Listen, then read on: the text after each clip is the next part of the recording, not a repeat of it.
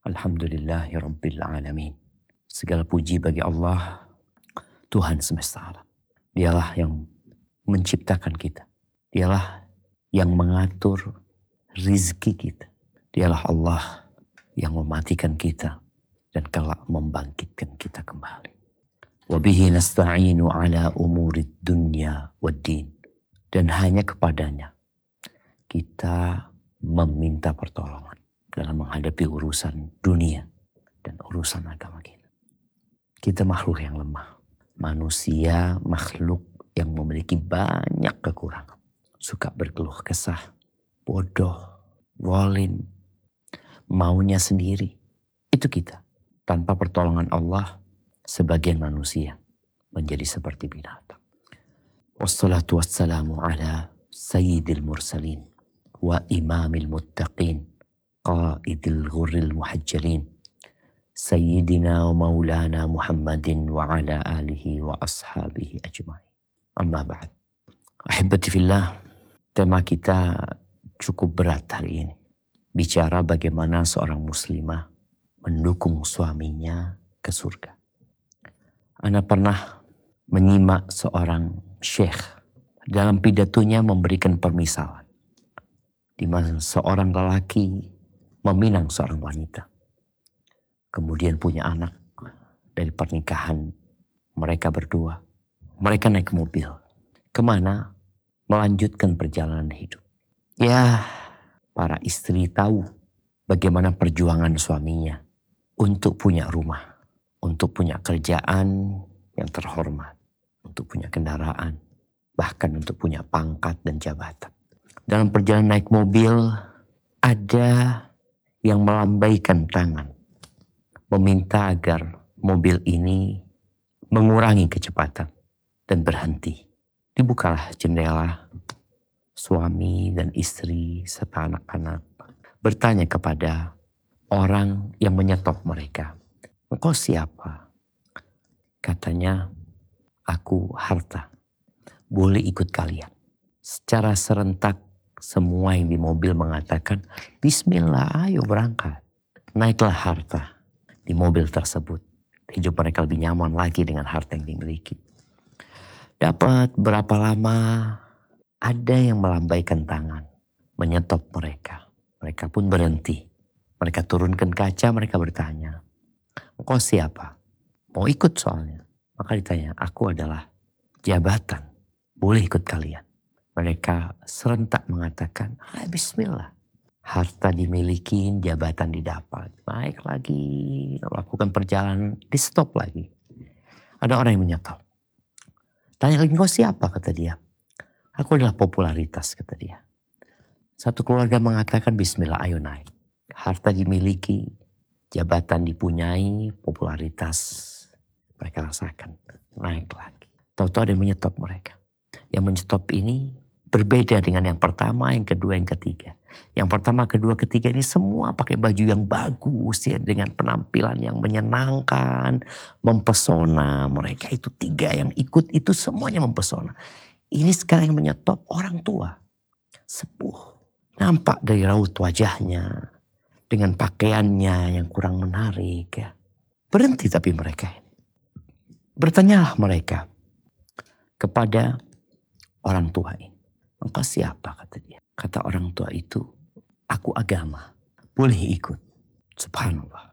Pengendara mobil itu terdiam sejenak. Mereka saling melihat. Sang suami melihat kepada istrinya, istri melihat kepada suami, anak-anak juga melihat ya. Mereka terbiasa dengan kenyamanan. Ketika agama mau naik, mereka ngomong jangan dulu lah kata dia. Jangan nanti kalau agama naik, aduh ruwet hidup ini. Yang harus ini, harus itu. Nggak boleh ini, nggak boleh itu. Akhirnya sang istri mengatakan kepada suaminya, ayolah bang janganlah bang, nanti aja lah. Nanti ada waktunya. Akhirnya diangkat kaca jendela ditinggal itu orang tua. Mereka terus melanjutkan perjalanan mereka di tengah jalan. Sang suami meninggal dunia. Subhanallah kalau anda lihat ya. Mungkin perhatian anak salah. Kebanyakan yang mati duluan itu suami. Makanya banyak janda. Adalah duda. Tapi tidak sebanyak janda. Sang suami meninggal dunia dalam kondisi di kendaraan mereka agama belum ikut. agama belum naik. Sang istri melanjutkan perjalanan bersama anak-anak. Ahibati fillah.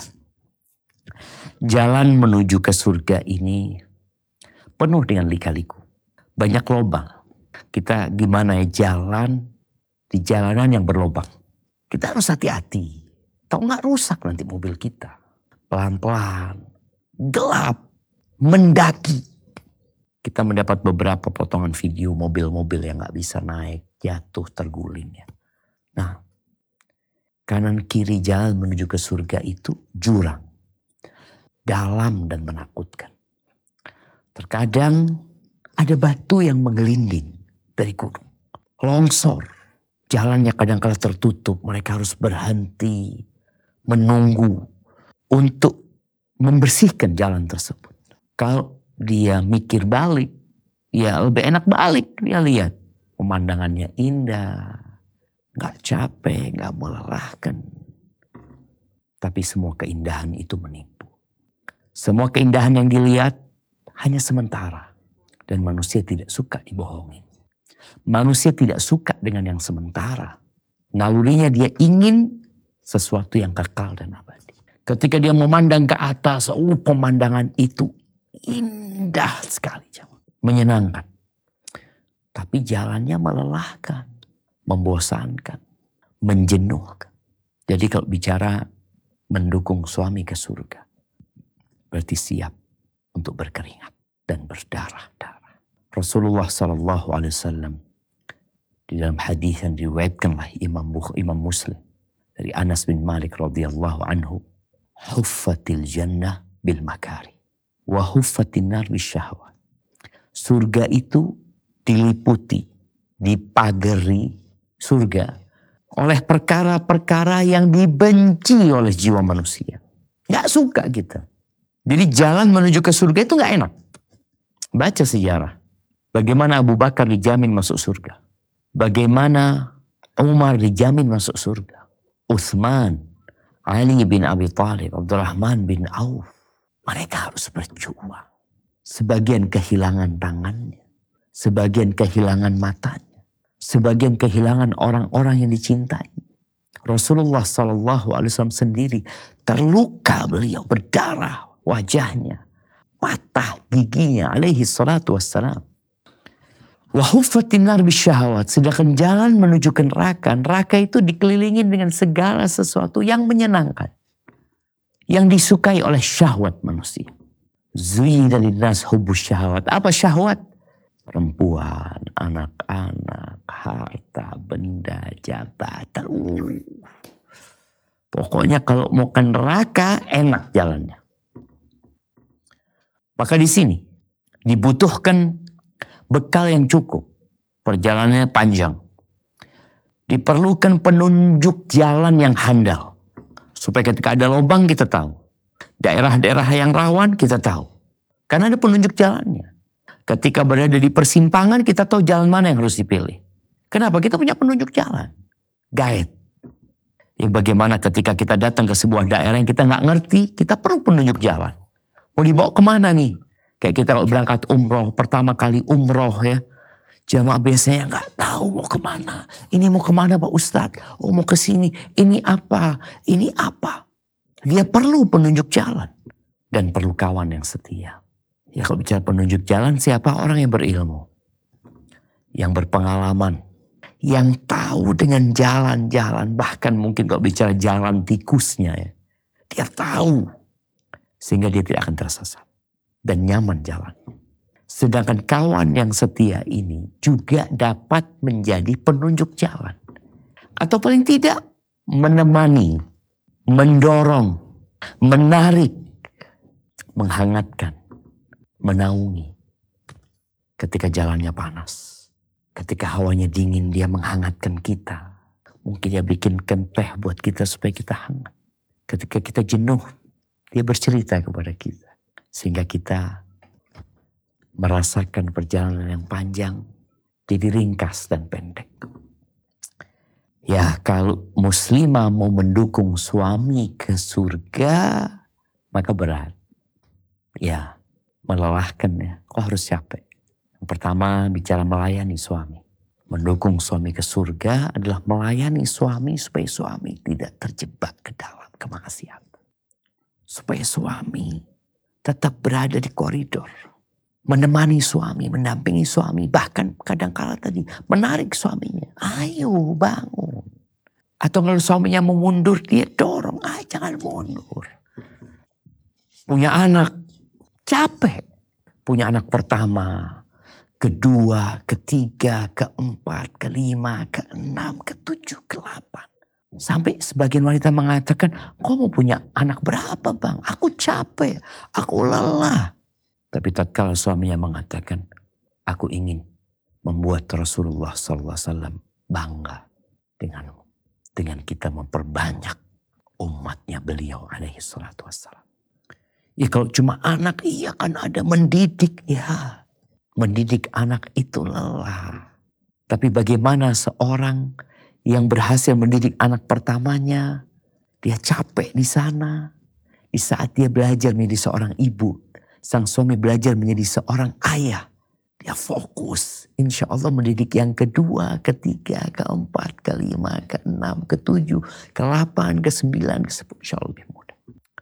Membantu suami berbakti sama ayah dan ibundanya.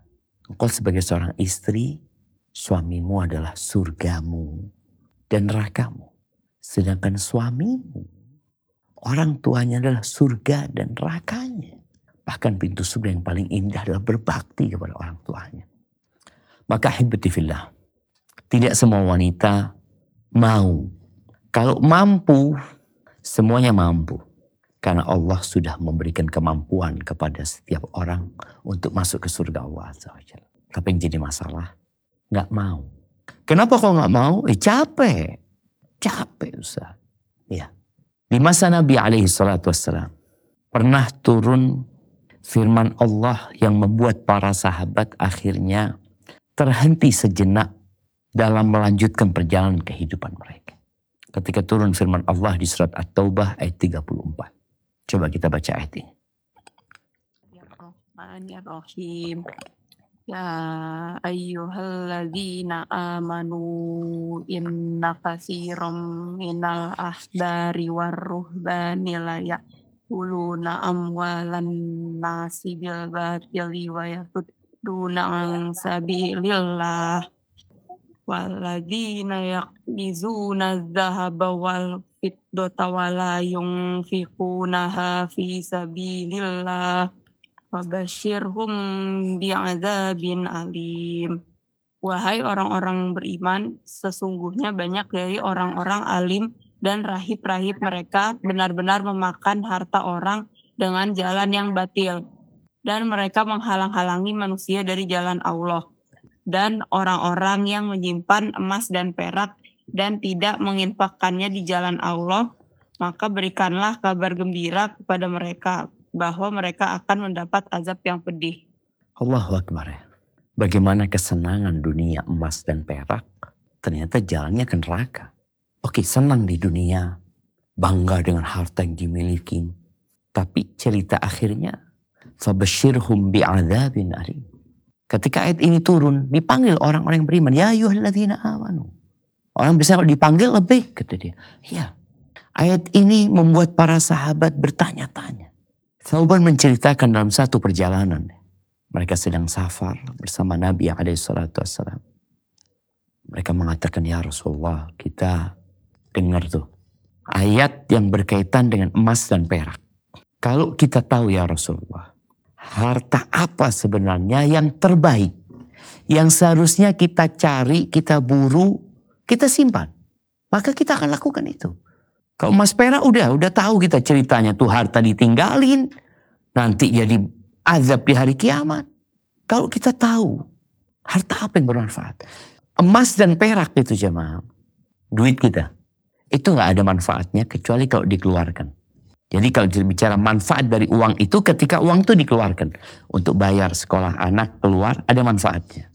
Beli tiket ada manfaatnya. Artinya duit itu ketika keluar baru dia memberikan manfaat. Ketika dia disimpan nggak ada manfaat. Manfaat dari harta itu kok dikeluarkan. Maka mereka bertanya harta apa sih yang paling baik? yang kita harus kumpulkan, kita simpan. Kalau emas perak tadi dikeluarkan, bukan disimpan. Dikeluarkan baru dapat manfaat. Maka kata Nabi alaihi salatu wassalam, harta yang paling mulia adalah lisanun dzakir. Lisan yang pandai berzikir.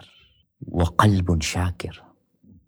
Hati yang pandai bersyukur kepada Allah. Yang ketiga, wa zaujatun mu'minatun tu'inuhu ala imani.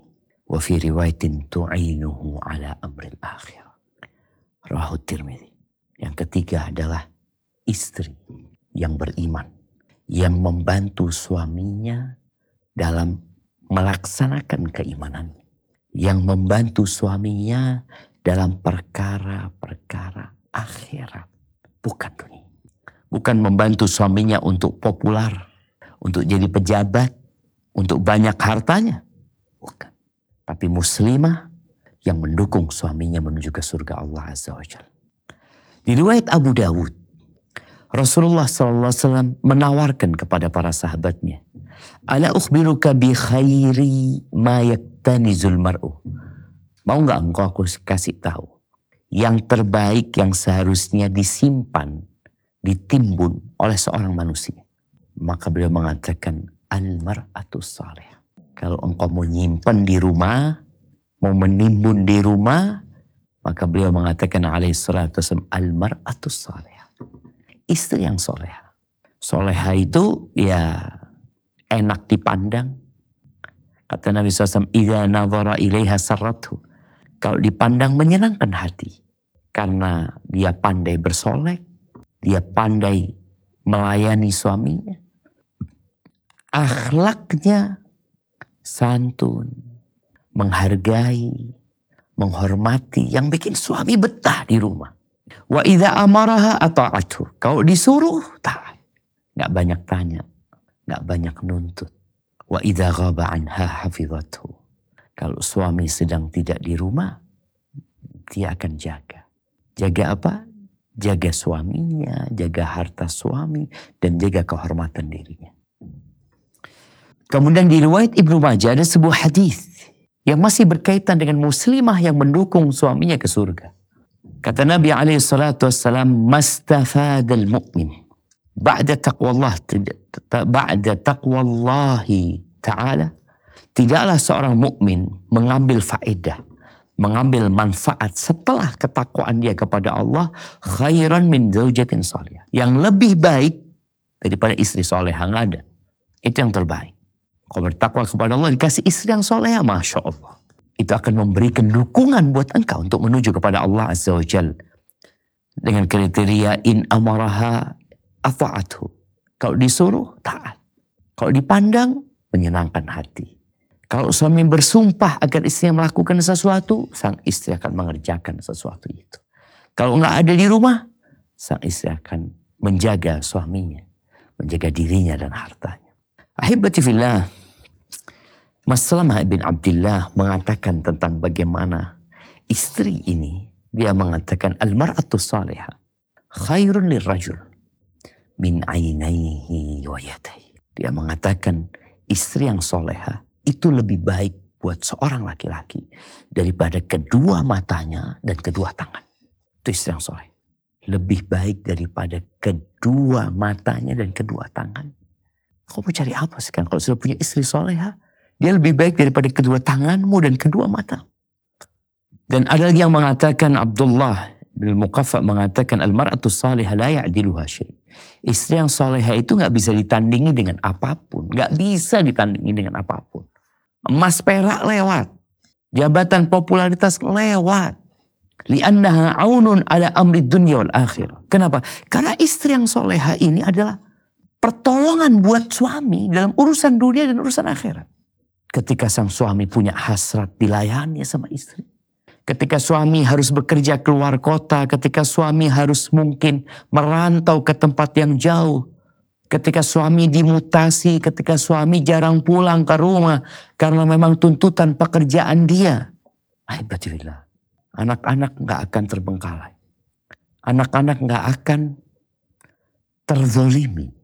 Kita ini Jakarta khususnya dengan tingkat fatherless yang tinggi sekali. Istri yang soleha, dia akan selalu mengatakan kepada anaknya, bapakmu pahlawan. Ayahmu pahlawan. Ayahmu berjuang buat engkau. Ayahmu nggak bisa pulang tepat waktu karena macet di jalan. Dia ingin cepat sampai di rumah. Ayahmu kadang-kala harus pergi jauh. Nah. Bukan karena kesenangan dia, tapi untuk kesenangan. Jadi sang suami benar-benar bagaimana dia merasa nyaman dan aman ketika dia pergi. Kenapa? Ada anak tinggalkan istri yang soleha di rumah. Istri yang tidak mudah mengeluh. Istri yang tidak mudah patah arang. Yang ketika yang dia harapkan dia tidak dapatkan dari suaminya, dia akan mengadu kepada sang pencipta. Dia minta kepada Allah Karena banyak mungkin anak-anak yang seperti anak yatim. Bukan karena bapaknya meninggal dunia, bapaknya ada. Boleh jadi bapaknya, dia bekerja di luar negeri. Bapaknya seorang tentara yang harus dinas sembilan bulan di Papua. Kadangkala dikirim ke Timur Tengah. Kadangkala dikirim ke Sudan. Dia tinggalkan istrinya sembilan bulan. Bukan karena kemauan dia. Tapi istri yang soleha. Ketika dia harus pergi berjuang. Sang suami ini maka dia meninggalkan yang kata Nabi SAW sebaik-baiknya yang kau simpan. Kau taruh di rumah. Apa? Zawjah salih. Istri yang tidak menghalangi suaminya beribadah. Bagaimana Nabi alaihi salatu wassalam ketika beliau masuk waktu sholat dikumandangkan azan. Beliau pergi meninggalkan rumahnya. Istri mempersiapkan suaminya untuk berangkat sholat. Bukan malah menghalangi suaminya untuk mendekatkan diri kepada Allah Azza wa Jal. Dia biarkan suaminya berangkat menuju ke rumah Allah Azza wa Jal. Bahkan Rasulullah Sallallahu Alaihi Wasallam bersabda dalam hadis yang diriwayatkan Abu Dawud. Beliau mengatakan, Rahimallahu rajulan qama minal layli fasalla. Allah merahmati seorang suami yang bangun di malam hari lalu dia sholat malam. Wa ayqadha imra'atahu fasallat. Dan dia bangunkan istrinya untuk sholat. Ini suaminya sholat. Kemudian dia bangunkan istrinya untuk sholat. Kalau istrinya nggak mau sholat, dipercikan air agar dia bangun. Ketika istri nggak bangun, dipercikan air. Sampai bangun. Kemudian beliau mengatakan alaihi salatu wassalam, Warahimallahu ra'atan qamat minal laili fasal. Dan Allah merahmati seorang wanita. Kalau tadi suami, ini istri. Yang bangun di malam hari dia sholat. Setelah sholat dia bangunkan suaminya. Kalau nggak mau bangun suaminya dipercikan air di wajahnya. Agar suami mau bangun. Ahibati fillah. Kita perlu kawan. Maka jangan salah pilih kawan. Al-Fudail bin Iyad rahimahullahu taala beliau mengatakan nadrul mu'min ilal mu'min yajlul qalba. Pandangan seorang mukmin kepada mukmin yang lain akan menggilapkan hati. Gimana kalau suami punya istri yang soleh? Yang dipandang sama suami, ya Allah. Bukan cuma wajah suami yang senang, tapi hati bisa mengkilap. Apa kriterianya? Sekarang para istri perlu tahu kalau aku mau jadi kawan suami menuju ke surga, apa yang harus dimiliki oleh istri? Allah berfirman di surat Al-Kahfi ayat 28 menyebutkan kriteria orang-orang yang seharusnya jadi pendamping kita. Jadi teman duduk. Jadi kawan melanjutkan perjalanan menuju surga Allah Coba kita baca ayat ini. Tafadhal dibaca. أعوذ بالله من الشيطان الرجيم واصبر نفسك مع الذين يدعون ربهم بالغداة والعشي يريدون يريدون وجهه ولا تعد عيناك عنهم تريد زينة الحياة الدنيا ولا تطع من أغفلنا قلبه عن ذكرنا واتبع هواه وكان أمره فرطا Dan bersabarlah kamu bersama-sama dengan orang-orang yang menyeru Tuhannya pada pagi dan senja hari, dengan mengharap keridoannya. Dan janganlah kedua matamu berpaling dari mereka, karena mengharapkan perhiasan kehidupan dunia ini. dan janganlah kamu mengikuti orang yang hatinya telah kami lalaikan dari mengingat kami, serta menuruti hawa nafsunya, dan adalah keadaannya itu melewati batas. Barakallahu fiqh. Kita lihat ya. Allah Azza wa Jal menyuruh nabinya untuk memilih teman duduk. Dengan siapa beliau duduk. Kita tuh kepingin duduk sama orang kaya, sama pejabat ya. Karena kita mungkin merasa akan dapat manfaat dari mereka. Ada pemuka-pemuka Quraisy, ada tokoh-tokoh Quraisy, ada orang-orang terkenal dan terpandang di kota Mekah. Tapi Allah Azza wa Jal nyuruh nabinya untuk bersabar bersama siapa. Allah tidak mengatakan duduklah engkau bersama mereka, enggak. Tapi Allah katakan wasbir dan bersabarlah engkau. Karena duduk dengan orang-orang yang disebutkan kriterianya ini butuh kesabaran. Nggak nyaman, engkau jenuh sama mereka kadang-kala. Karena kita memandang kepada dunia. Kriteria yang pertama, mereka adalah orang-orang yad'una rabbahum yang senantiasa berdoa mohon sama Allah. Dan ini orang kalau lemah jemaah itu akan selalu berdoa minta sama Allah SWT. Hari-harinya dipenuhi dengan doa. Jadi para istri tolong perbanyak doamu. Doakan suamimu. Jangan nunggu suaminya nggak benar baru didoain. Dan jangan pula doanya hanya untuk urusan rizki dan harta buat suami. Engkau lihat dalam sehari berapa kali engkau berdoa. Ini orang terus berdoa. Itu kriteria pertama. Di pagi dan di senja hari. Ini menunjukkan istiqomah. Bukan sepekan sekali berdoa. Bukan sehari sekali berdoa. Tapi rutin terus dia berdoa pagi dan petang terus memohon kepada Allah Azza wa Jal. Dalam sujudnya dia berdoa. Di sepertiga malam akhir dia memohon buat suaminya. Inilah istri yang diperlukan. Inilah kawan yang perlu kita gandeng. Inilah manusia yang seharusnya jadi teman duduk kita. Teman ngobrol kita, diskusi kita. Mereka. Kenapa dia terus berdoa, dia istiqomah pagi dan petang melakukan itu. Yuriduna wajah. Nah, ikhlas orang ini bukan orang yang pamer, bukan yang suka berbangga-banggaan. Nggak riak dia. Yuri itu wajah. Yang dia cari adalah keridhaan Allah Azza Yang menjadi ambisi dia adalah berjumpa dengan Allah Azza Kemudian kata Allah, janganlah kedua matamu berpaling dari mereka karena mengharapkan perhiasan kehidupan dunia. Nih yang keempat, cari kawan itu, istri ini Jangan ngomongnya dunia terus. Dunia, kalau bicara dunia ya urusan rumah, mobil, aset, perhiasan, urusan dunia. Jangan. Karena orang kalau sedang ngomong dunia, bukan kita nggak boleh ya mencari dunia, tapi tujuannya tetap akhirat. Ini ada orang yang ambisinya dunia, dia bekerja keras untuk dunia. Maka Nabi melarang tuh, jangan cari yang kayak gitu yang setiap duduk dan diskusinya dunia. Maka para istri, duduklah sama suamimu. Ngobrol sama suami. Kita ini kira-kira mau masuk surga lewat pintu yang mana? Kita udah pernah kaji bersama. Bahwa pintu surga itu ada delapan. Ngobrol sama suami. Kita mau ya lewat pintu mana bang? Mau lewat pintu puasa, kita nggak pernah puasa sunnah. Mau lewat pintu sholat, kita cuma sholat lima waktu. Mau lewat pintu sodako, ah kita cuma zakat yang wajib aja. Mau lewat pintu yang terbaik, itu berbakti kepada orang tua, kayaknya belum berbakti sama orang tua. Kemudian yang kelima, Allah mengatakan dan janganlah kamu mengikuti orang ya wala tuti man aghfalna qalbahu an dzikrina. Jangan mengikuti orang yang lalai dari mengingat kita.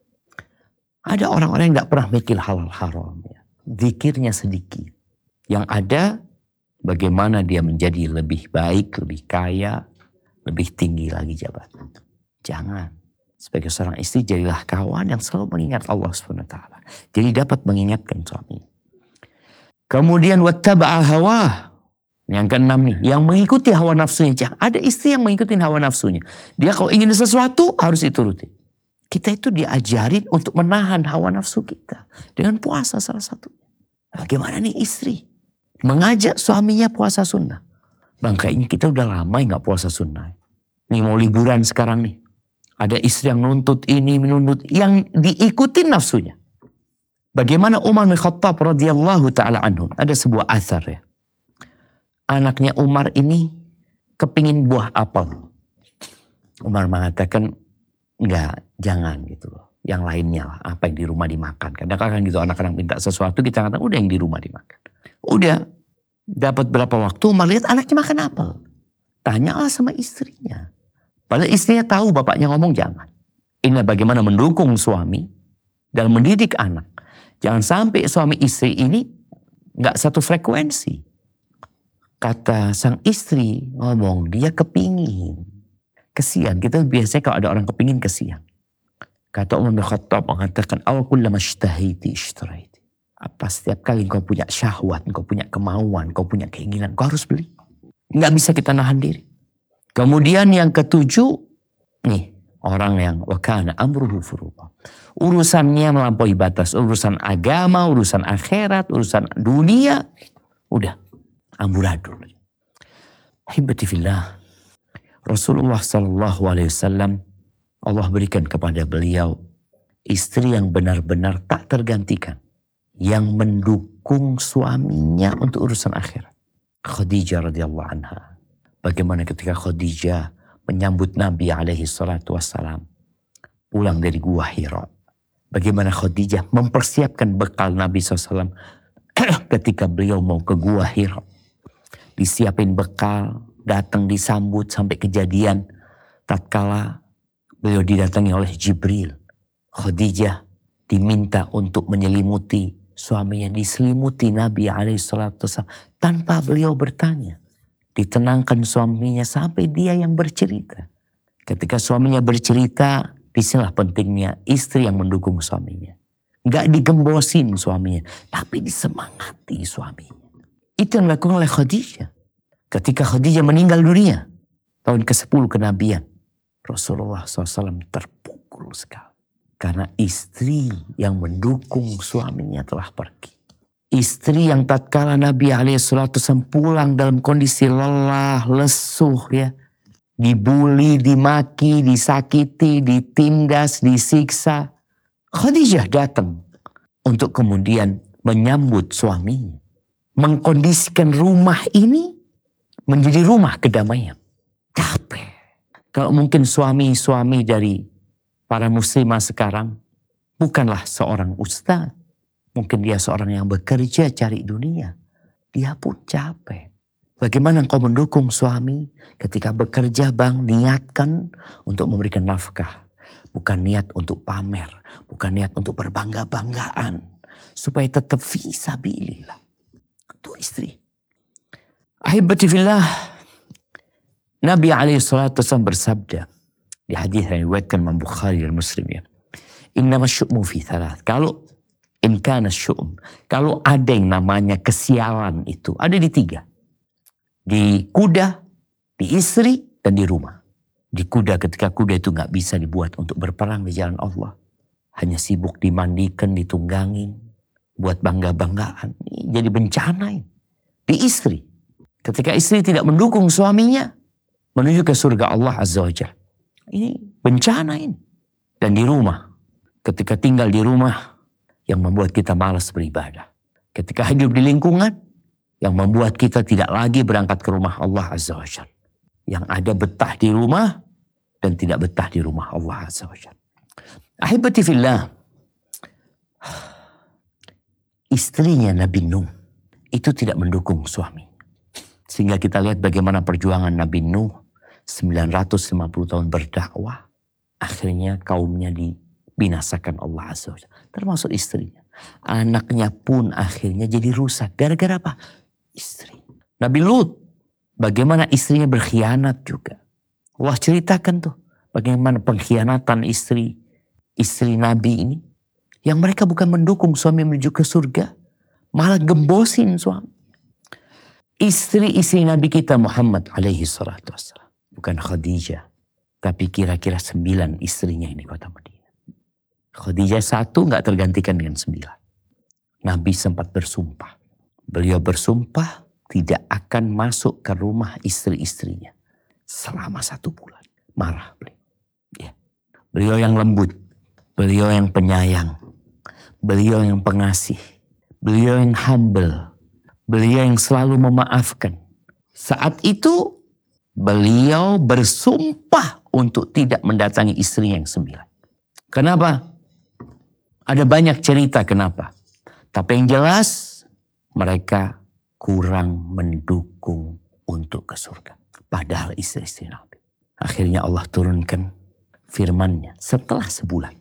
Di surat Al-Ahzab ayat 28, 29. Coba kita baca ayat ini. أعوذ بالله من الشيطان الرجيم يا أيها النبي قل لأزواجك إن كنتن تردن الحياة الدنيا وزينتها فتعالين أمتعكن وأسرحكن سراحا جميلا وإن كنتن تردن الله ورسوله darul akhirata fa innallah fa innallaha a'adda lil muhsinati minkunna ajaran 'azima Hai Nabi, katakanlah kepada istri-istrimu, jika kamu sekalian menginginkan kehidupan dunia dan perhiasannya, maka marilah supaya kuberikan kepadamu mutah dan aku ceraikan kamu dengan cara yang baik. Dan jika kamu sekalian menghendaki keridoan Allah dan Rasulnya, serta kesenangan di negeri akhirat, maka sesungguhnya Allah menyediakan bagi siapa yang berbuat baik di antaramu pahala yang besar. Allahu Akbar. Kita lihat ya. Bagaimana setelah satu bulan. Beliau mendiamkan istrinya. Tidak mendatangi mereka dan mereka tidak mendatangi Nabi alaihi. Setelah itu Allah, Allah turunkan firmannya yang baru saja kita baca sebagai bentuk pilihan. Kalau masih ingin bersama Nabi alaihi salatu wassalam, maka jalannya capek. Jalan menuju surga itu melelahkan dan menyenuhkan. Nabi pulang dari gubuk atau rumah di kebun itu mendatangi rumah istri-istri. Dimulai dengan rumah Aisyah. Dibacakan ayat ini. Lalu Nabi SAW mengatakan, engkau musyawarah sama orang tua. Engkau masih mau bersamaku? Dengan konsekuensi capek, jenuh, bosan. In kuntunna turidnal hayatad dunya wa zinata. Tapi kalau engkau ingin senang-senang di dunia ini, ya udah, kemarilah engkau. Aku kasih harta, aku kasih kesenangan, kemudian aku ceraikan kalian. Kenapa diceraikan? Karena ambisinya dunia sudah. Maunya bersenang-senang di dunia. Padahal sudah tahu menuju ke surga itu bertentangan dengan kesenangan jiwa. Tapi nanti engkau akan senang selama-lamanya. Mana yang dipilih? Bersenang-senang sementara, kemudian bersusah-susah selama-lamanya. Atau bersusah-susah sebentar, lalu bersenang-senang selama-lamanya. Terserah. Engkau nggak mau, engkau cari dunia, fabah. Mau ribut terus urusan dunia, cemburu di antara mereka, permintaan nafkah tambahan. Tapi kalau yang kalian inginkan adalah Allah dan Rasul. Dan kehidupan akhirat. Tadi di awal kita sebutkan hadis Nabi SAW. Kalau mau nyimpen di rumah, simpenlah istri yang membantu suaminya dalam urusan akhirat. Kalau mau nyimpen di rumah. Kalau enggak, ya keluarkan dari rumah. Tapi kalau yang kalian inginkan adalah akhirat. Keridhaan Allah ya. Keridhaan Rasulnya SAW. Fa inna Allah. Sesungguhnya Allah a'adda lil muhsinati min kunna. Menyediakan buat orang-orang yang berbuat baik. Muhsinah. Bukan muslim biasa. Ya. Kita tahu tingkatan agama itu Islam, iman, ihsan. Allah menyediakan buat orang-orang yang ihsan di antara kalian. Ajron azimah pahala yang agung yang besar sekali. Ingat, kebanyakan istri itu di neraka. Kenapa?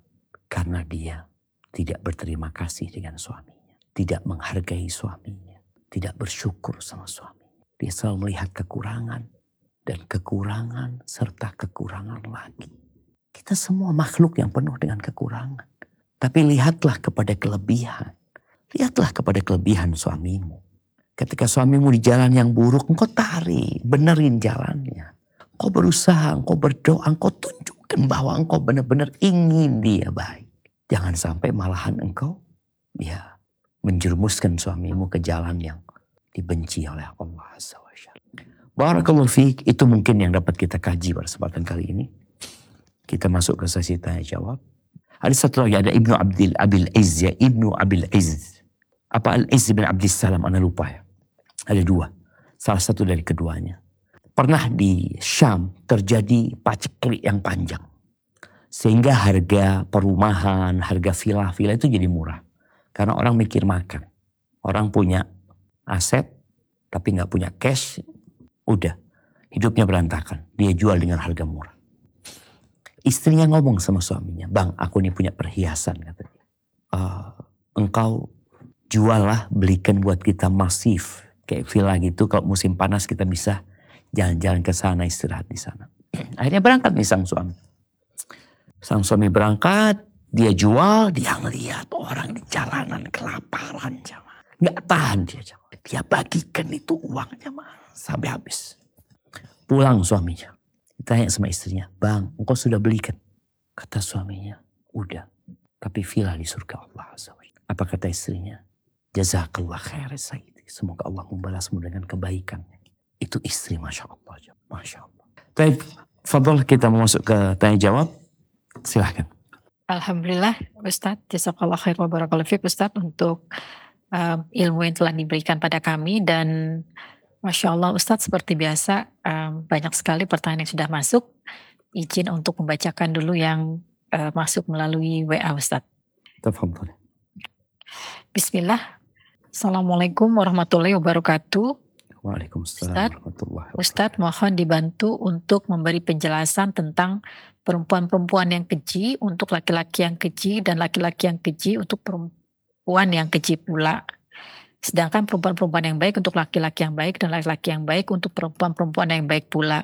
Apakah berarti jika jika kita, jika suami kita jauh dari agama berarti sebenarnya istri juga adalah orang yang tidak baik pula sebagai muslimah. Barakallahu fiik. Nah, mungkin kita bisa baca firman Allah di surat An-Nur ya, ayat 26. Nah, silakan surat An-Nur ayat 26. Ya, silakan dibaca dulu. A'udzu billahi minasyaitonir rajim. Al-khabithatu lil khabithina wal khabithuna lil khabithat.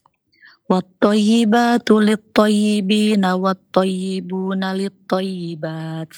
Ulaika mubarra'una mimma yaqulun. Lahum maghfiratu wa rizqun karim. Wanita-wanita yang keji adalah untuk laki-laki yang keji, dan laki-laki yang keji adalah buat wanita-wanita yang keji pula. Dan wanita-wanita yang baik adalah untuk laki-laki yang baik, dan laki-laki yang baik adalah untuk wanita-wanita yang baik pula. Mereka yang dituduh itu bersih dari apa yang dituduhkan oleh mereka yang menuduh itu. Bagi mereka ampunan dan rizki yang mulia atau surga. Barakallahu fikum. Iya, Ayat ini ada beberapa penafsiran. Salah satunya yang tadi ditanyakan. Berkaitan dengan laki-laki yang baik adalah untuk wanita-wanita yang baik. Dan sebaliknya. Laki yang buruk untuk wanita yang buruk, wanita yang buruk untuk laki-laki yang buruk. Para ulama menjelaskan tentang kondisi bagaimana ketika seorang yang soleha kok dapat laki-laki yang buruk. Yang pertama ada kondisi Wanita soleha ini tahu dengan keburukan suaminya. Tapi dia mau. Karena dia kaya, karena dia seorang pejabat, dia mau. Maka ini menunjukkan kalau sejatinya dia ini wanita ini wanita buruk. Karena udah tahu suaminya buruk, dia mau. Maka dia buruk juga. Walaupun mungkin dari sisi ibadahnya dia bagus ini dan itu. Tapi karena dia mau menerima laki-laki yang buruk, berarti dia buruk sama dengan dia. Begitu pula sebaliknya. Seorang laki-laki yang baik, yang soleh, tahu wanita itu buruk. Tapi dia mau. Ini yang tahu ya kita katakan. Berarti sejatinya dia bukan baik. Dia buruk. Karena kalau dia baik, dia akan cari yang baik pula. Yang buruk akan cari yang buruk pula. Seperti itu. Namun ada kondisi yang memang ujian dari Allah Azza wa Jalla. Nggak tahu. Sebagaimana Allah ceritakan tentang Nabi Nuh dan Nabi Lut. Istrinya nggak baik. Boleh jadi kondisinya memang gak ada pilihan lainnya. Sehingga mereka harus menikah. Yang tentunya mereka harus berjuang. Namun ketika seorang wanita mendapatkan suami yang tidak baik, engkau lihat. Boleh jadi engkau belum baik. Karena ada yang merasa baik. Dosa ini ada dua. Keburukan ini ada dua. Keburukan yang nampak dan keburukan yang tersembunyi. Dan dosa tersembunyi itu lebih berat daripada dosa yang nampak. Maka hendaklah para wanita yang mendapatkan suami tidak baik atau suami yang mendapatkan istri tidak baik, hendaklah mereka mengevaluasi diri mereka. Boleh jadi ada sesuatu di diri mereka sehingga mereka dapat pasangan yang yang buruk. Hadza wallahu a'lam Nah. Barakallahu fiik Ustaz. Um, pertanyaan berikutnya Ustaz. Waalaikumsalam. ya. So, Assalamualaikum warahmatullahi wabarakatuh. Assalamualaikum ilaikum Ustadz dan tim Sisesa. Ustadz, anak ibu pekerja, membantu suami lebih tepatnya. Anak menopang ekonomi keluarga, suami bismillah kerja lepas terkadang ada kerja. Terkadang tidak. Anak merasa tidak maksimal melayani suami mungkin karena karena menjadi tulang punggung keluarga sehingga mungkin rasa hormat saya kepada suami berkurang. Saya sudah berusaha namun kalau suami lagi marah saya sering kali sakit hati. Saya tidak menghitung-hitung apa yang diberikan suami atau apa yang saya berikan. Tapi saya khawatir jauh dari kriteria istri soleha. Mohon doa dan nasihatnya Ustadz. Masya Allah, barakallahu. Ya jamaah, ketika seorang suami tidak memberikan nafkah kepada istrinya, kepada keluarganya, kepemimpinan dia pincang jadinya. Maka kadangkala istri uh, harus bekerja, dia juga harus melayani suaminya. Sesuatu yang seharusnya dia tidak lakukan tapi dia lakukan. Yang menyebar dampak kepada tadi pelayanan yang mungkin kurang baik. Maka di sini memang suami harus menerima karena hal itu terjadi disebabkan dirinya. Tapi karena yang bertanya ini seorang istri, bagaimana engkau menjadikan semua yang kau berikan kepada suamimu, itu lillahi ta'ala. Karena boleh secara hukum agama seorang suami yang tidak memberikan nafkah kepada istrinya, istri itu boleh tidak melayani suaminya. Kalau dia memilih itu. Karena dia harus bekerja, cari nafkah. Artinya dia nggak berdosa. Karena suaminya memang tidak memberikan hak dia yang hak suami ini dilayani itu karena sang suami memberikan nafkah kepada istrinya. Ketika sang suami tidak memberikan nafkah kepada istrinya, tadi ada kepincangan akhirnya sang istri. Dia mau bekerja, dia mau cari uang sendiri, dia mau hidup. Karena butuh biaya hidup buat dia dan anak-anak. Maka nasihat anak ketika engkau menerima kondisi yang ada. Maka jagalah amalanmu jangan sampai hangus. Kalau engkau menuntut sama suami nggak apa-apa. Artinya ketika suami nggak ada uang, nanti ketika suami punya uang, aku akan klaimkan semua yang aku keluarkan agar suami bayar. Itu boleh. Karena itu menjadi kewajiban sang suami. Tapi kalau istri mengikhlaskan itu akan lebih baik. Sebagaimana ada istrinya, para sahabat ya, yang dia yang bekerja. Karena suaminya bukan tidak bekerja, tapi suaminya ketika ada pekerjaan bekerja, nggak ada pekerjaan, dia akhirnya harus nganggur. Walaupun dia sudah berusaha. Maka berdoa mohon kepada Allah. Allahumma a'inni ala zikrika wa syukrika wa husni ibadatik. Lihatlah kepada kelebihan suami, jangan lihat kepada kekurangannya. Dan kau mintalah kepada Allah balasan. Karena tadi istri sakit hati ini suami udah disenangkan ya ibaratnya. Malah dia marah-marah ini dan itu. Bersabarlah engkau. Agar rumah tanggamu terjaga, agar anak-anak juga tidak terdampak. Karena kalau tidak, boleh jadi engkau pahalanya hilang. Padahal engkau niat awalnya ada ikhlas lillahi ta'ala. Yang kedua akan berdampak kepada pendidikan anak-anak nantinya. Kepada kejiwaan mereka. Ketika suami marah, istri yang soleha adalah istri yang datang minta maaf sama suami. Padahal yang salah suami. Tapi kata Nabi SAW, wanita penghuni surga itu, kalau dizolimin, disakiti sama suaminya, ini perempuan yang datang kepada suami. Perhatian dia letakkan tangan, dia pegang tangan suaminya sambil mengatakan, La adhuku bihumdin hatta. Aku tidak akan memejamkan mata sampai kau ridho. Padahal suaminya yang salah. Karena tujuan berumah tangga adalah menggapai kedamaian dan ketentraman. Tapi kalau engkau tidak mampu, ribut terus terjadi, maka perceraian jadi solusi. Tapi semoga rumah tanggamu dijaga oleh Allah Azza wa Barakallahu fikna. Jazakallah khair Ustaz. Eh, sebelum kita membuka kepada yang sudah masuk, ada satu pertanyaan lagi Ustadz. Yang eh, Masya Allah mungkin banyak yang serupa, saya bacakan salah satunya Ustadz. Assalamualaikum Ustadz. Semoga Allah selalu melindungi Ustadz sekeluarga. Ustadz dengan ilmu yang terbatas saat menerima pinangan suami, Ana mencari dengan niat untuk beribadah. Dan saat itu suami terlihat dekat dengan agama meskipun masih merokok. Alhamdulillah suami pula yang mengenalkan pada, sula, pada sunnah. Beliau juga memberi nafkah harta baik untuk keluarga. Namun saat pernikahan ke-10, Ana mengetahui bahwa suami sering berhalwat dengan lawan jenis via WA. Bahkan terkadang sering pula memberi uang pada wanita-wanita itu.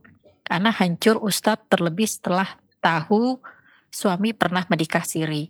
Ana mencoba untuk mengajak suami meninggalkan fitnah wanita, namun dan menjelaskan bahwa harta yang dipakai untuk maksiat tidak akan berkah. Namun sudah tiga tahun berlalu hal ini masih berulang. Jika ketua, ketahuan minta maaf dan menegaskan bahwa suami masih cinta dan tidak akan melepaskan Ana. Dan sekarang selain bulan Ramadan, suami makin jarang ke masjid dan jauh dari Quran. Beberapa teman menyarankan untuk dia menerima karena daripada hidup sendiri sebagai janda, zaman sekarang jamaklah suami sekali-sekali bermudah-mudah dengan wanita lain. Yang penting tetap pulang ke rumah serta menunaikan kewajiban. Tapi Hana, tapi hati Ana tidak tenang, Ustadz. Apa yang harus Ana lakukan selain berdoa? Benarkah Ana harus tetap ber, bertahan dan bersabar menunggu hidayah Allah pada suami. Sampai kapan batasnya? Ustadz anak ingin punya suami yang bersama berjuang menuju surga karena umur kami pun sudah cukup lanjut. Barakallahu fiqh Ustadz. Dan ini Afwan Ustadz eh, beberapa pertanyaan serupa dan memang rata-rata menanyakan bagaimana untuk menimbulkan rasa percaya dan menghilangkan sakit hati setelah suami diketahui tergelincir pernah tergelincir Ustadz. Jamaah, khususnya buat para wanita. Insya Allah semua tahu bahwa ujian laki-laki itu adalah harta dan wanita. Beliau alaihissalatu wassalam mengatakan, Ma taraktu fitnatan asyadda ala rijal minan nisa.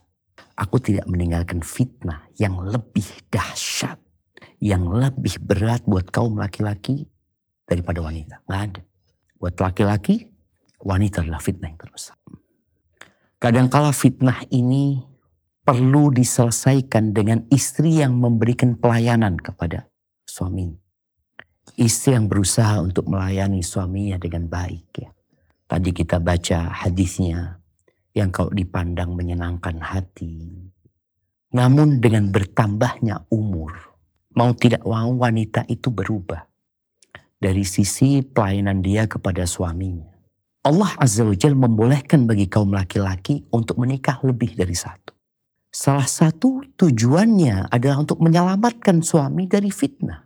Kalau dikatakan tadi, umurnya sudah sama-sama lanjut. Tapi laki-laki walaupun berumur 80 tahun tetap dia tergoda dengan wanita. Sedangkan wanita ada sampai umur mungkin dia sudah tidak lagi berhasrat seperti yang dahulu. Kalau tadi ada yang menyarankan kepada penanya untuk bertahan dengan kondisi suami sekali-kali tergelincir dalam dosa, maka ini menunjukkan bahwa dirimu bukan orang baik. Tadi kita baca di surat An-Nur ya, bagaimana Allah Azza wa menyebutkan laki-laki yang baik untuk wanita yang baik, wanita yang baik untuk laki-laki yang baik. Yang buruk untuk yang buruk. Ketika engkau membiarkan suamimu tergelincir dalam dosa daripada aku hidup menjadi janda ya. Kesian siapa yang mau sama aku, aku sudah berumur ini itu. Engkau mempertahankan rumah tangga dengan membiarkan suamimu berbuat dosa, berarti engkau wanita yang buruk. Terus solusinya apa? Dudukkan suami. Bagaimana dia kembali kepada Allah. Dan kalau memang dia harus menikah lagi, demi menjaga kehormatan dirinya, demi agar dia tetap jadi orang baik, maka itulah solusi. Tapi solusi itu berat buat wanita. Dia harus mengorbankan egonya, mengorbankan ya ambisi dia mungkin. Tapi itu menjadi solusi ketika memang tadi suamimu berubah dia. Gara-gara perempuan. Dulu juga dia pernah nikah siri. Boleh jadi dia nikah siri dengan wanita yang gak baik-baik akhirnya. Rusak akhirnya rumah tangga. Dalam agama kita, laki-laki boleh nikah tanpa izin suami sebenarnya. Demi menjaga kehormatan diri, demi dia tetap jadi orang baik.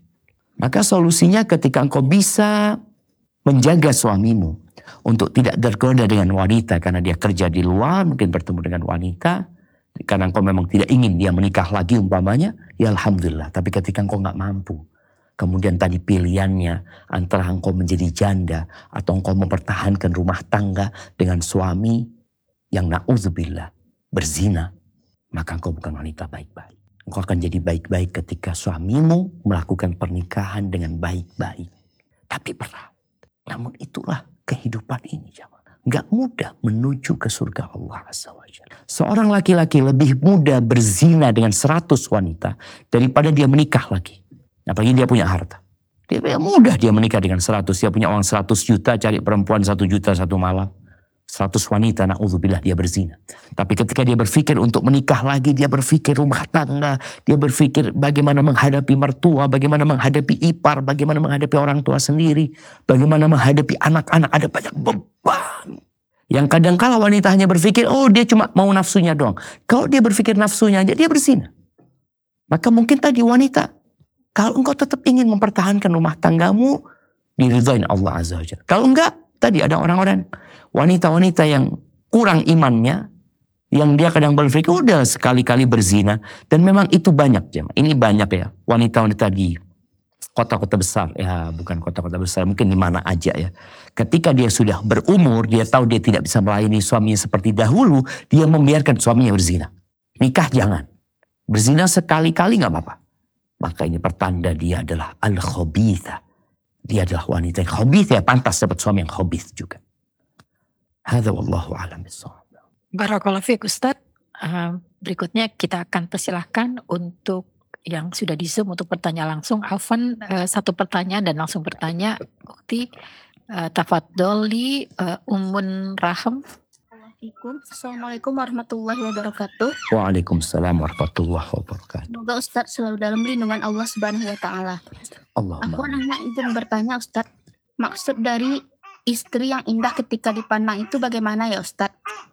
Dan satu pertanyaan lagi di luar tema F1 sekali ini Anda sampaikan waktu kajian di Banyak kemarin tetapi belum terjawab Ustadz. Eh, mana yang lebih dahulu menabung untuk kurban eh menabung untuk biaya umroh atau untuk berkurban di hari raya Idul Adha dulu Ustadz? Mohon petunjuknya Ustadz. Barakallahu fikum. Wa fiik wa barak. Nah. Ya kalau bicara istri yang enak dipandang. Ada dua penafsiran para. Yang pertama istri yang cantik memang. Istri yang menyenangkan hati. Dan kalau bicara cantik insya Allah semua wanita cantik. Semua wanita cantik walaupun kecantikannya berbeda-beda dan kecantikan itu relatif. Yang kedua, dia pandai mempercantik dirinya. Karena ada perempuan cantik tapi nggak pandai mempercantik dirinya. Dia nggak pandai berhias. Dia tidak pandai melayani suaminya dia tidak berakhlak mulia. Karena orang itu kalau melihat wanita yang akhlaknya mulia seneng gitu. Kita jangan melihat pasangan hidup kita. Kita ngelihat orang. Ngelihat orang ya kerjanya bagus ya. Adabnya santun, etikanya Masya Allah. Itu kita senang. Ngelihat aja senang. Lihat fulan Masya Allah senang. Nah, inilah yang lebih kuat. Jadi perempuan itu bukan cuma cantik fisiknya, tapi dia pandai mengambil hati suaminya dengan melayani suami dengan akhlak yang mulia seperti itu. Adapun berkaitan dengan mana yang lebih utama ya. Ingat umroh itu bagi yang mampu. Kurban itu bagi yang mampu. Ketika engkau tidak mampu, maka engkau tidak punya kewajiban. Dan kalau bicara kurban, kurban sama umroh ini berbeda. Kurban mungkin ya hanya dengan 2 juta engkau bisa berkorban. Tapi umroh kau butuh waktu 30 juta. Oh butuh uang 30 juta kira-kira. Apalagi seorang wanita mungkin dia harus berangkat sama mahramnya sehingga butuh double untuk berangkat. Makanya saya anak ketika engkau punya uang untuk kurban, kurbanlah. Udah kurban. Nabung lagi buat umroh. Nanti ketemu lagi kurban, kau punya harta cukup untuk buat kurban, kurbanlah. Karena umrohmu nggak wajib, belum cukup. Tapi kurbanmu, oh sudah ada di depan mata dan kau punya uang. Seperti itu. Wallahu a'lam Nah. Barakallahu fiik Ustaz. Berikutnya tafadoli untuk ukti eh untuk Ummu Muhammad satu pertanyaan Om tafadoli. Assalamualaikum warahmatullahi wabarakatuh Ustaz. Waalaikumsalam warahmatullahi wabarakatuh. Ahlan. Assalamualaikum. Nah Ustaz, Afan mungkin Ana di luar tema. Eh, bolehkah ketika dalam sholat itu eh, membaca bacaan ruku yang lebih dari tiga kali, namun ketika pas waktu tiga kalinya kita eh, jeda sebentar eh, di, di samping kita narik nafas, tapi kita seperti di dalam hati kita itu memaknainya, mem- menyebutkan arti daripada bacaan itu. Nanti kita lanjut lagi tiga kali, kita jeda lagi, mungkin sampai sembilan kali begitu mungkin ya. Kemudian juga di dalam sujud dan juga bolehkah di saat setelah syahadat itu kita jeda sebentar saja, sangat sebentar saja dengan memaknainya begitu di hati kita. Yang asyhadu an la ilaha illallah wahdahu la syarikalah wa asyhadu anna muhammadan abduhu wa rasuluh. Sejenak saja kita memaknai itu langsung kita lanjut dengan syahadat sa- salawat Nabi begitu. Eh, itu saja Ustadz. Nah. Eh, jazakallahu khairan. Barakallahu fikum. Assalamualaikum warahmatullahi wabarakatuh. Waalaikumsalam warahmatullahi wabarakatuh. Nah, mahibati fillah. Salat itu membutuhkan kekhusyuan. Kalau bicara pertanyaan membaca lebih dari tiga kali, boleh membaca lebih dari tiga kali. Kalau bicara merenungkan bacaan tersebut, boleh dia merenungkan bacaan tersebut. Ya. Hanya saja memang ketika seorang membaca, di situlah mulai dia renungkan. Karena dia sudah hafal maknanya. Maka di sini pentingnya, kalau sudah bertahun-tahun kita membaca hal itu, kita udah tahu sama artinya. Jadi menghayatinya itu ketika membaca, bukan dengan berhenti. Ketika kita mengatakan asyhadu an la ilaha illallah wa asyhadu anna muhammadan abduhu wa rasuluh. Itu sudah nyampur seharusnya. Makanya hendaklah yang tidak bisa bahasa Arab untuk terus berusaha untuk mengetahui maknanya. Sehingga dengan cara seperti itu, jedah tadi yang disebutkan tidak diperlukan lagi. Namun ketika orang dia mau menghayati apa yang dia baca, ya tidak ada larangan di sini. Cuma lebih utama tadi dia mengatakan Assalamu alayka ayuhan nabi. Ketika dia membaca, dia langsung memahami apa yang dia baca. Jadi tidak perlu berhenti. Kalau mungkin baru belajar, dia mengatakan asyhadu an la ilaha illallah. Kebayang tuh artinya. Wa asyhadu anna muhammadan abduhu wa rasul. Kebayang tuh artinya buat dia. Tapi ketika orang ini sudah bertahun-tahun dia baca, insya Allah jeda itu tidak perlukan. Maka sebelum sholat, bacalah artinya, diingat lagi artinya, sehingga engkau merenungkan bacaanmu, menghayati bacaanmu bersama membacanya. Hada wallahu a'lam. Nah. Jazakallah khair Ustaz. Eh, berikutnya saya akan bacakan yang sudah masuk kembali. Assalamualaikum warahmatullahi wabarakatuh. Waalaikumsalam warahmatullahi wabarakatuh. Ustadz, Alhamdulillah saya mendapatkan suami yang baik hati dan sangat sayang pada keluarga. Namun, kodarullah wa masa fa'ala, suami menderita suatu penyakit yang membuatnya tidak bisa menjalankan kewajiban secara batin kepada ke- secara batin sebagai suami pada saya. Hal ini berlangsung hampir 4 tahun. Saya berusaha bersabar, tapi memang usia saya terpaut hampir 20 tahun dengan suami. Jadi saya masih merasa sangat membutuhkannya. Suami pernah saat awal sakit menyarankan untuk berpisah, namun karena masih bisa bersabar, saya menolak. Saat ini suami tidak pernah membicarakan ini lagi, dan saya merasa tidak enak hati untuk bicara hal tersebut. Karena secara agama, suami pun makin membaik. Saya khawatir termasuk istri yang tidak berterima kasih dan menyebabkan tidak masuk surga karena meminta pisah. Tapi sungguh saya khawatir saya makin sulit, sulit memendam kebutuhan ini dan ibadah jadi bisa terganggu. Afwan mohon nasihatnya Ustadz. Barakallahu fiik.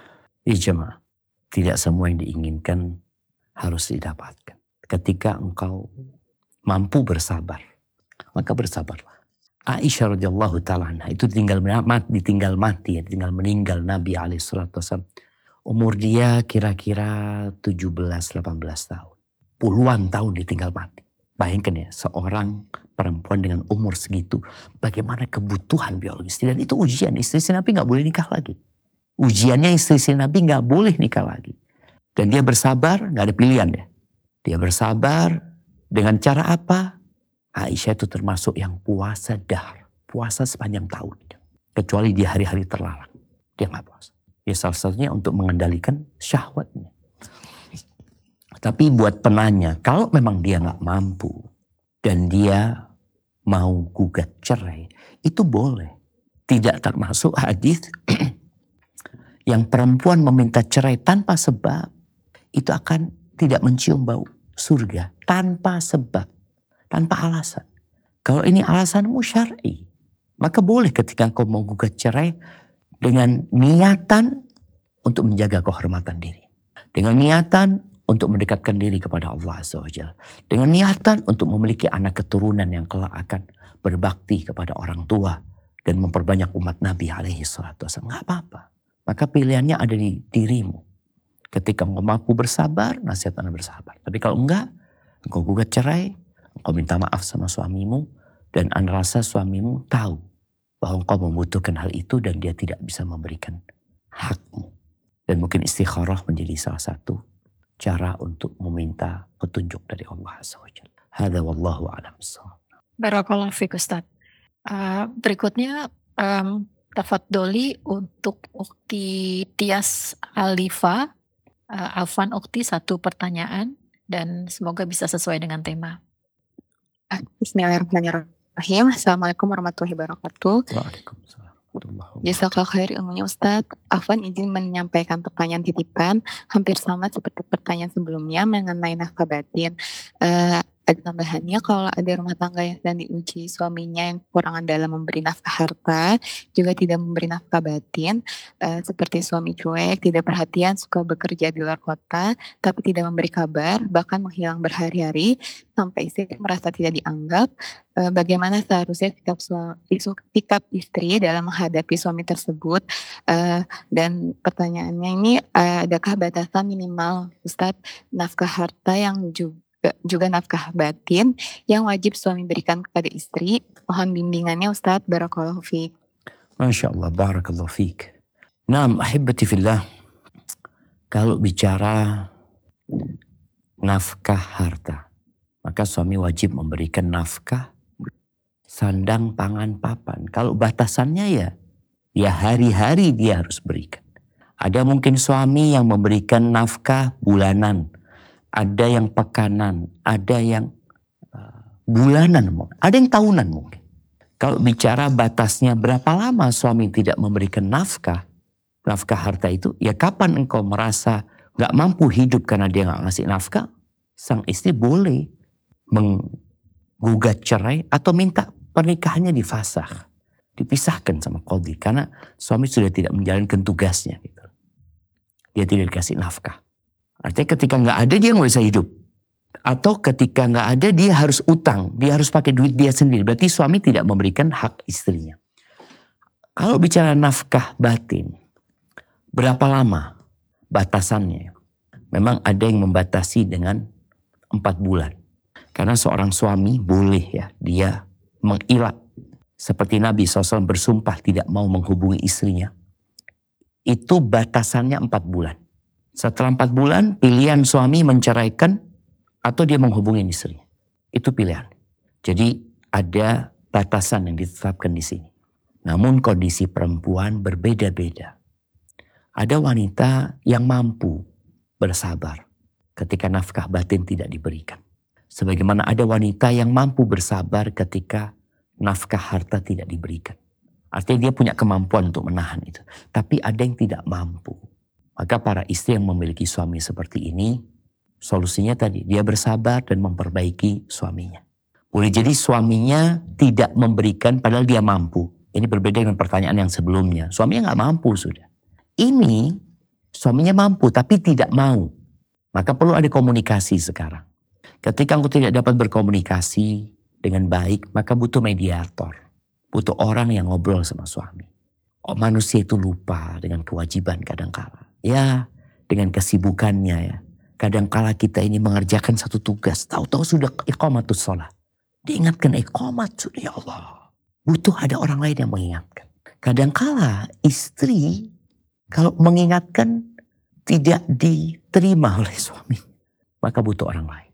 Maka usahakan sebelum berpikir untuk berpisah, karena ini kondisinya suami mampu tapi tidak mau, maka mungkin perlu ada mediator, semoga Allah berikan jalan yang terbaik ya.